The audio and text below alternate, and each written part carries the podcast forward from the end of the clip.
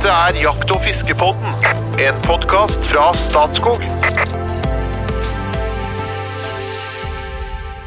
Da ruller vi i gang med en litt annerledes eh, temaepisode. Eh, Navnet mitt er Trond Gunnar Skjenningstad. Til daglig så er jeg kommunikasjonssjef i Statskog. I denne sendinga her så skal jeg liksom prøve å styre ordet mellom mine tre eksperter. Det er en eh, Espen Farstad, som kommer fra Norges Jeger og Fisk. Hjertelig velkommen. Takk. Og vi har Jo Inge Bresjeberget, fagsjefen i Statskog. Hjertelig velkommen. Takk. Og ikke minst fisker og fiskeekspert og gammelkjenning i Jakt- og fiskebånden, Øyvind Fjellseth. Hjertelig velkommen. Takk, takk. Og du, Espen, det er du som er skyld i denne temaepisoden. For, for en liten stund siden så fortalte du meg risset av en liten historie som jeg har veldig veldig lyst til å vite mye mer om.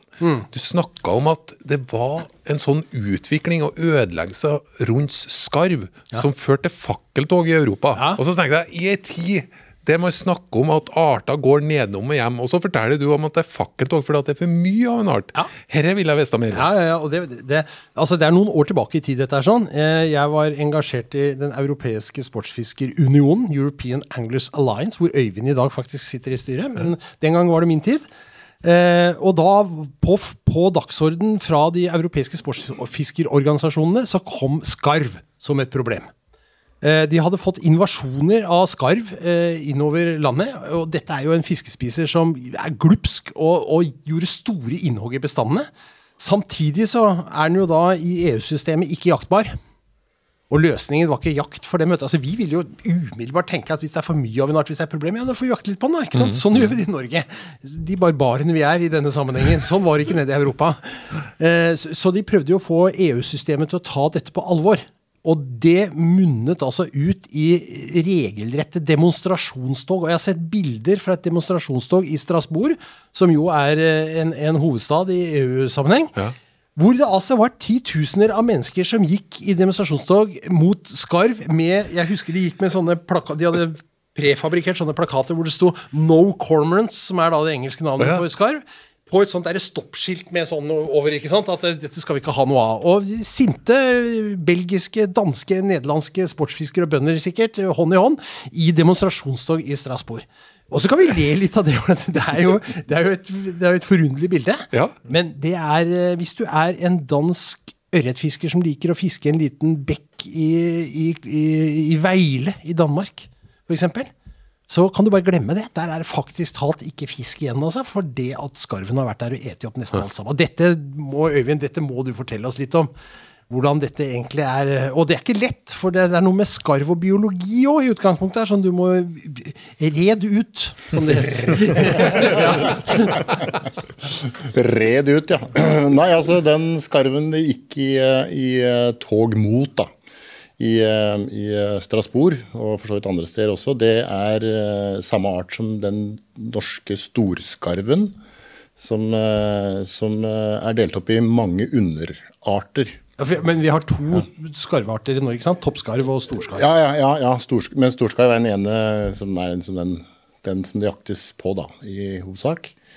Ehm, men den norske varianten, som heter noe sånt som falacro corax eh, s- eh, carbo, Kjent norsk navn? ja, og den har et uh, underartsnavn som heter carbo. Carbo carbo kaller vi den bare. Eh, mens denne her underarten som er kontinental, eh, som det ikke er tog mot, den kalles også for mellomskarv. Eh, sikkert fordi noen mener den er noe mindre, men det er den i grunnen ikke. Den er ikke stort mindre. Eh, den heter carbosinensis, så vi pleier ofte bare å si, si sinensis-varianten når vi snakker om den. Eh, og sinensis det, det skyldes at den en gang kanskje trodde at den var innført fra, kall det Kina. Det var en idé om at den var innført, for det er samme arten som eh, hvis noen har sett på, eh, på naturkanaler og en ser eh, sånne kinesiske gutter ute på en flåte med en skarv som dukker ned og kommer opp med en svær karpe som de drar ut av halsen på skarven, og så bruker rett og slett skarven som et fiskeredskap. Det er den arten der. Så den finnes gjennom, gjennom Asia bort i, i retning Kina da, i praksis. Så det er en veldig utbredt art. Eh, Det finnes noe sånt som seks underarter av storskarv, så, så det er en litt sånn kompleks greie. da, Men det er den mellomskarven som, eh, som har skapt utfordringer på kontinentet, fordi den var mer eller mindre utrydda fram til 1970. Eh, Så ble det innført et fredningsregime for å hjelpe arten tilbake. Samtidig så slutta en å bruke DDT, altså sprøytemiddelet DDT, som gikk hardt utover mange fuglebestander, for så vidt. Men uh, særlig fiskespisere som, som skarv. da. Så, og Det gjorde at uh, det ble bedre kyllingoverlevelse, samtidig som det ble mindre altså det var ikke noe dødelighet som følge av jakt eller bekjempning, som vi kanskje vil kalle det. da, For det er vel det den har gjort gjennom hundrevis av år. For å, ja, ja, ja. Dette er en sånn klassisk, litt sånn ubehagelig historie om eh, kall det rovdyrbekjemping. da.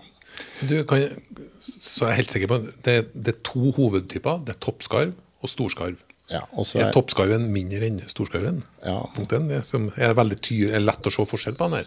ja, det så har den jo topp, da. Hvert fall. Det, jeg vet ikke om han har det hele året, men i hvert fall deler av året så har den jo en eh, tydelig At det er fjæra står opp på Ja, den Aristoteles-varianten har en sånn uh, topp på, på huet. Det er noe som er rødlista? Eller? Ja, storskarv er faktisk rødlista.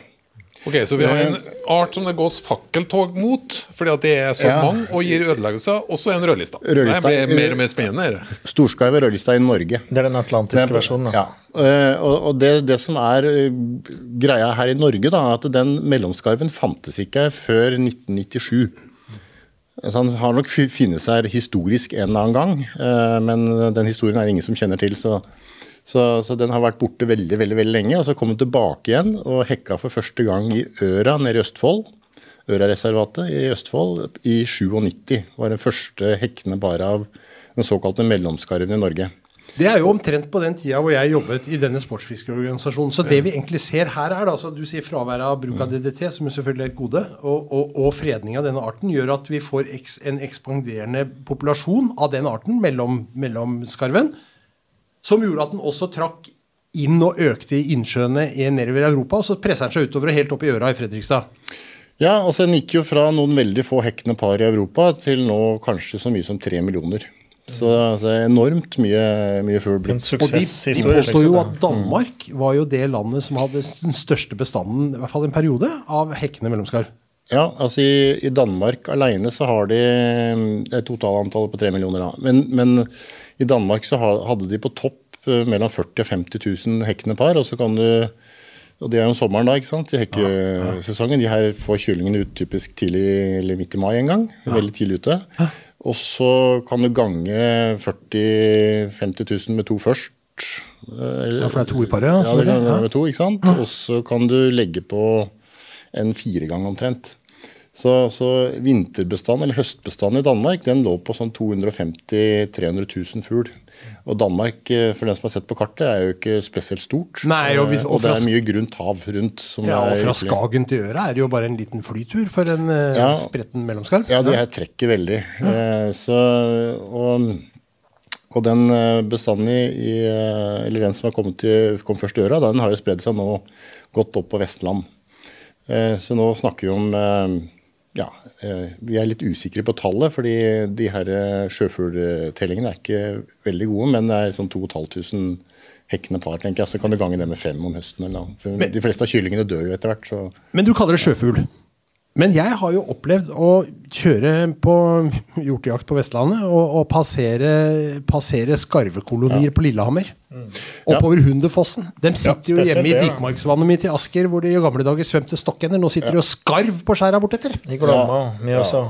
Vi pleier ofte å si at det er en, eh, en kontinental art. Altså, så den har en, en veldig tilbøyelighet til å jakte i brakkvannsområder og ferskvannsområder.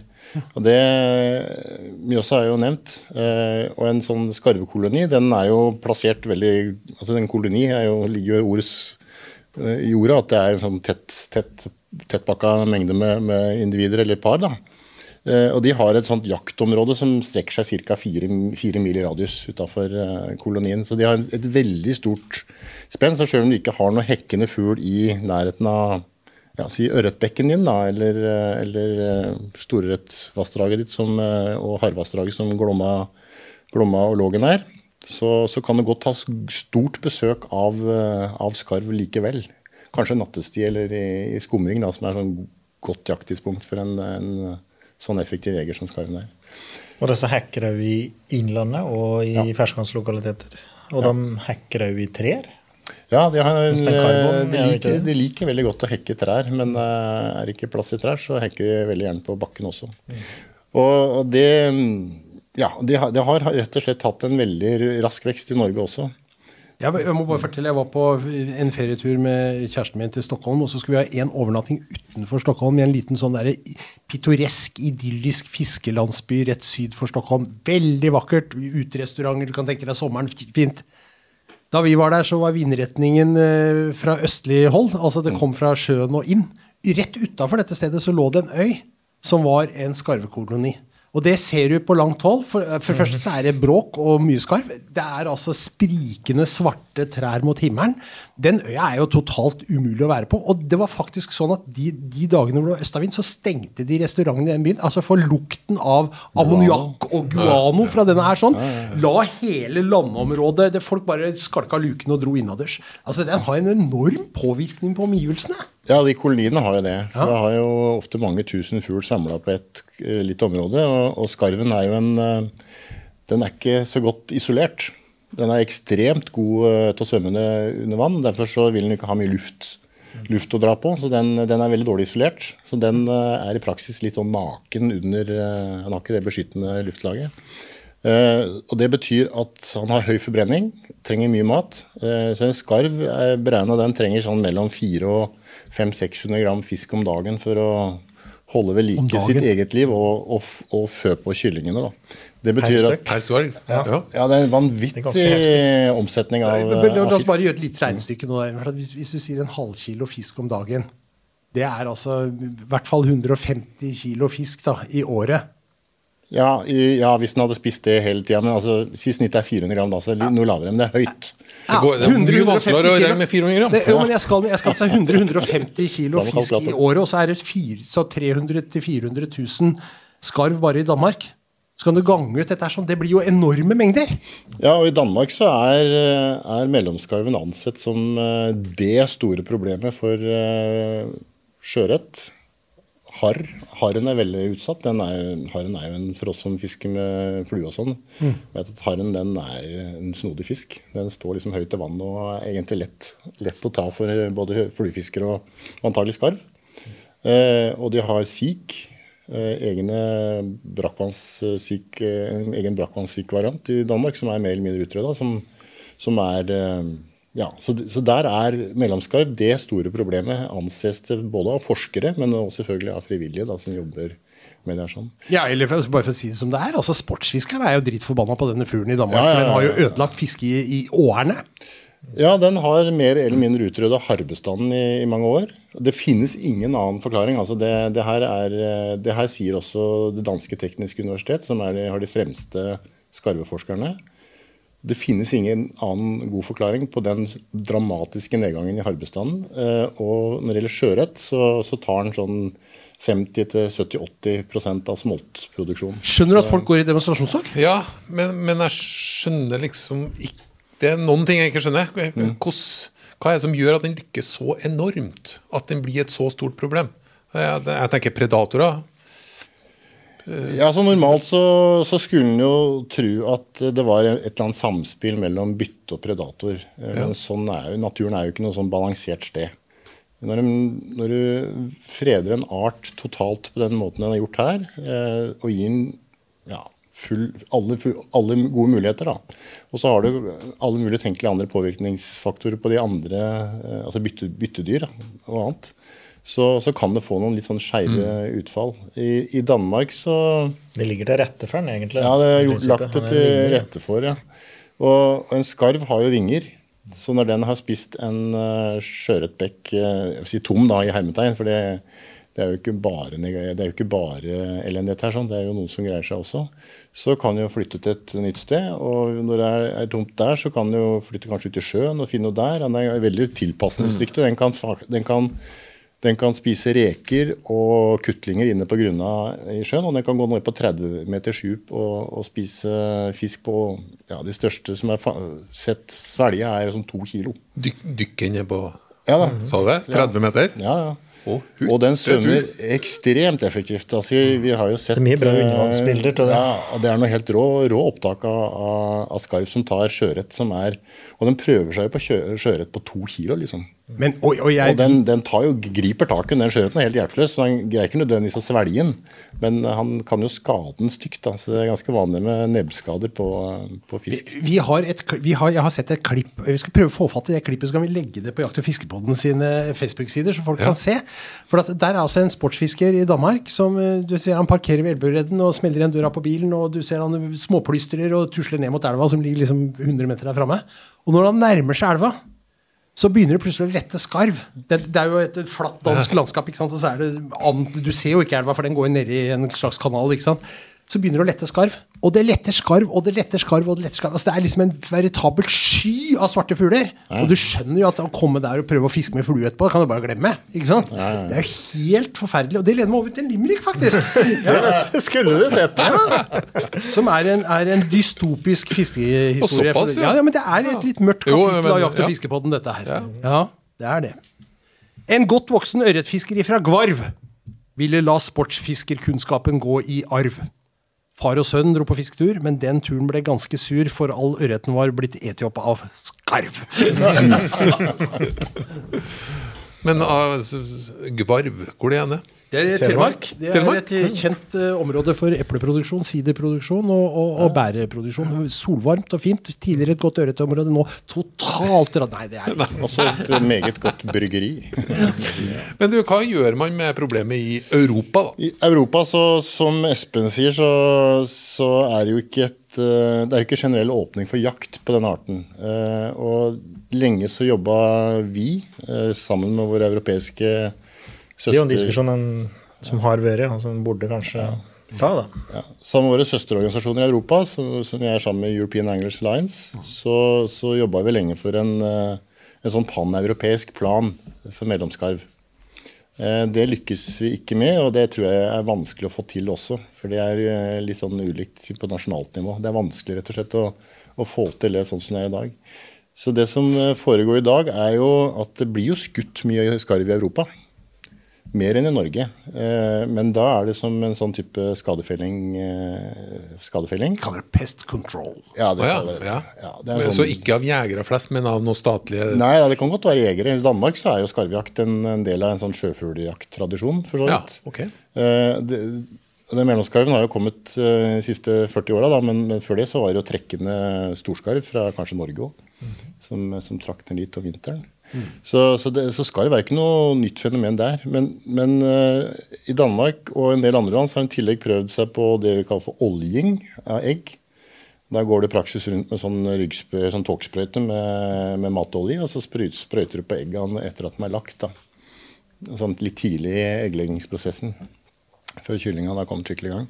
Eh, Da kveler du i praksis egget, da. For når du får olje på egget, så Ja, det er sånn omdiskutert, men uh, kan være effektivt. Men du må jo olje fryktelig mye egg, da.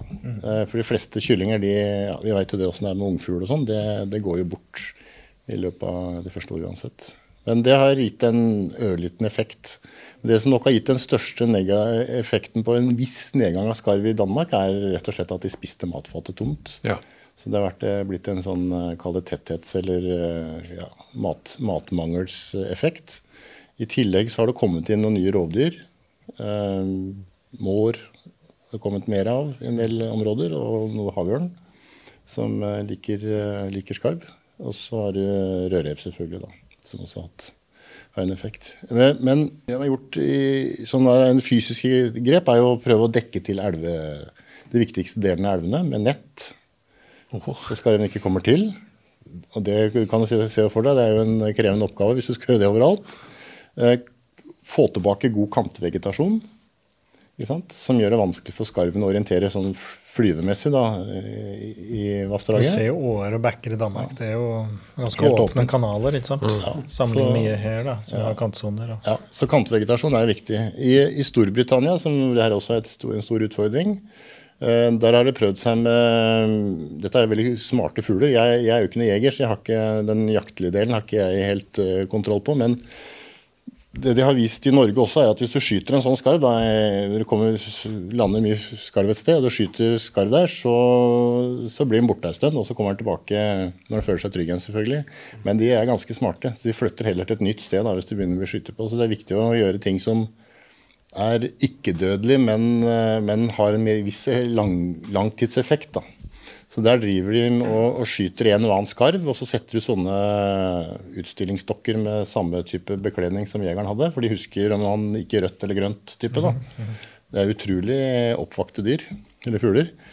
Eh, og så har de satt ut sånne Jeg vet ikke om jeg har sett sånne greier som står på utsida av bensinstasjoner og innimellom med sånn eh, blåser luft opp i sånn dokke som står sånne flagrer med, flagrer med armer og opp og ned og detter litt ned opp og sånn.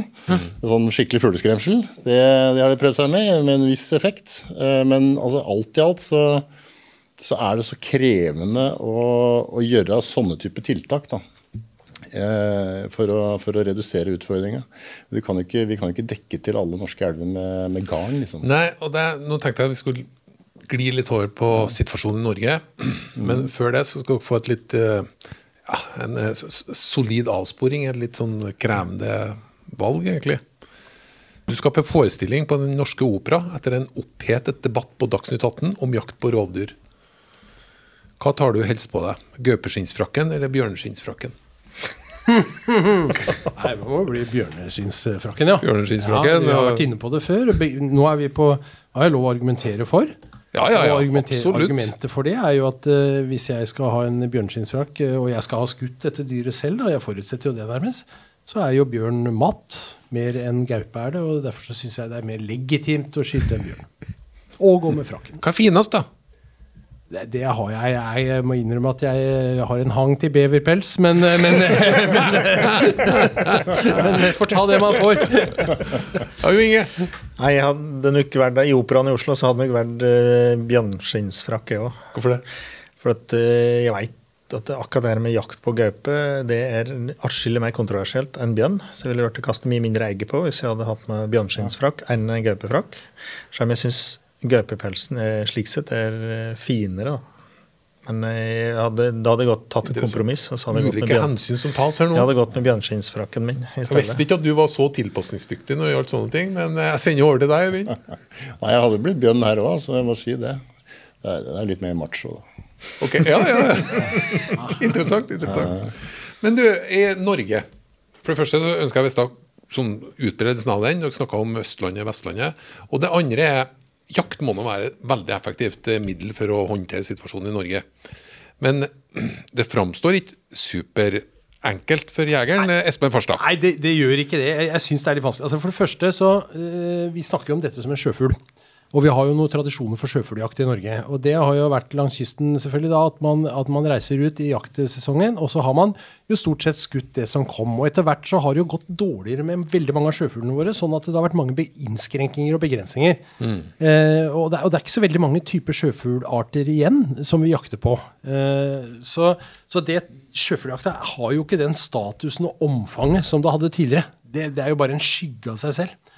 Men skarvjakt har jo, har jo alltid vært litt gjevt blant sjøfugljegere. Og eh, en klassisk måte å jakte på er liksom å, å ligge ute på skjæra med noe lokkefugl foran deg, noen ærfugl eller noen andebulvaner ute i vannet, og noen skarvefigurer på fjellet bak deg. Oh, ja. Noen silhuetter, noen svarte silhuetter, enten lagd i metall eller tre, som står bak deg, akkurat sånn som skarven står. Kanskje en ut med sånn tørke vinga-positur, eller bare sitter der som en skarv sitter eh, lang og tynn og svart. Og så trekker det, kommer det trekkende fugl, og så ser de at det sitter skarv der, og så svinger de innom, og så skyter de disse skarvene. Eh, og det er utrolig god mat, det må vi komme tilbake til etterpå. Ja. Utrolig, faktisk. Ja, jeg må si det. Men, men så kommer liksom regimet rundt dette, da. Det er altså toppskarv som kan jaktes eh, i nord, altså ned til Trondheimsfjorden. Ikke noe annet sted. Ellers hold deg unna. Ikke sant? Det er fra 1.10. til 30.11. Og 1.10. er jo 1. oktober er liksom, eh, har vært sjøfugljaktstartdatoen framfor noe. Ja. Så kommer vi til storskarv. Som da denne underarten mellomskarv hører innunder, som vi har skjønt. Jeg, jeg syns dette er vanskelig sjøl, jeg. Kun ungfugl med hvit buk i saltvannslokaliteter. Fra Halden til Lindesnes. 10.9. til 9.11. Altså, det følger ikke sjøfugljakttida fra 1. oktober, sånn som annet. Nei. Det, det forvansker litt. Å nei, du. Å nei, det, nemlig. Det kommer an på hvor du er. For at hvis vi snakker kun ungfugl med hvit buk av denne underarten i saltvannslokaliteter fra Rogaland og opp til Finnmark, så er det første tiden til 30.11. Så du må vite hva slags fugl du skyter på, hvilken underart, om han har hvit buk, og hvor i landet du er. Alt dette må jegeren tenke på. Og så i tillegg så er det også for all storskarv, og da tenker du ikke trenke på ungfugl med hvit buk, i ferskvannslokaliteter.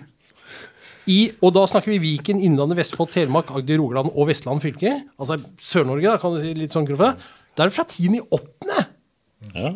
Er ikke det andejaktstart òg, da? Eller bukkejaktstart, ja. Bukkejaktstart? Ja, så du, akkurat, så du kan 21., skyte en skarv på vei til bukken. Nei, du gjør ikke det, vet du. Ja, men det verste er at det, det er ikke tull engang. Jeg gikk på bukkejakt for det er noen år siden. Da, og jeg jakter ikke så fryktelig langt fra Glåma. Det var en, en kum fra et drensrør. Så skvatt ut en skarv ut i sprøytesporet i åkeren. Og Den var tydeligvis i mytinga, for han klarte ikke å fly. Og det var en mellomskarv. Den tok du. Nei, jeg gjorde ikke det. Du gjorde ikke det? Nei. Du kommer nemlig ikke hjem fra bukkejaktpremierne. Fikk du bukk? Nei, men jeg skjøt en skarv! Vi snakka med Jo Inge. da. Men altså, dere skjønner at det er, et, det er et litt sånn komplekst regelverk å forholde seg til. Så du må på en måte være litt Du går ikke bare ut og driver jakt og skyter. Du må vite hvor du er, hva slags Ja. fugl, og når. Og den siste og, ved tilpasse mellomskarven, da. Den siste passusen der. Ja, og det, Forklar litt det, Øyvind. Hvorfor, er, hvorfor har man liksom Det er bare i Sør-Norge altså, at du jakter i ferskvann? Ja, grunn, grunnen til den, det veldig restriktive regimet er jo at den som vi nevnte den atlantiske versjonen, den Carbo-Carbo, den, den, eh, det er det som er årsaken til at den er på rødlista.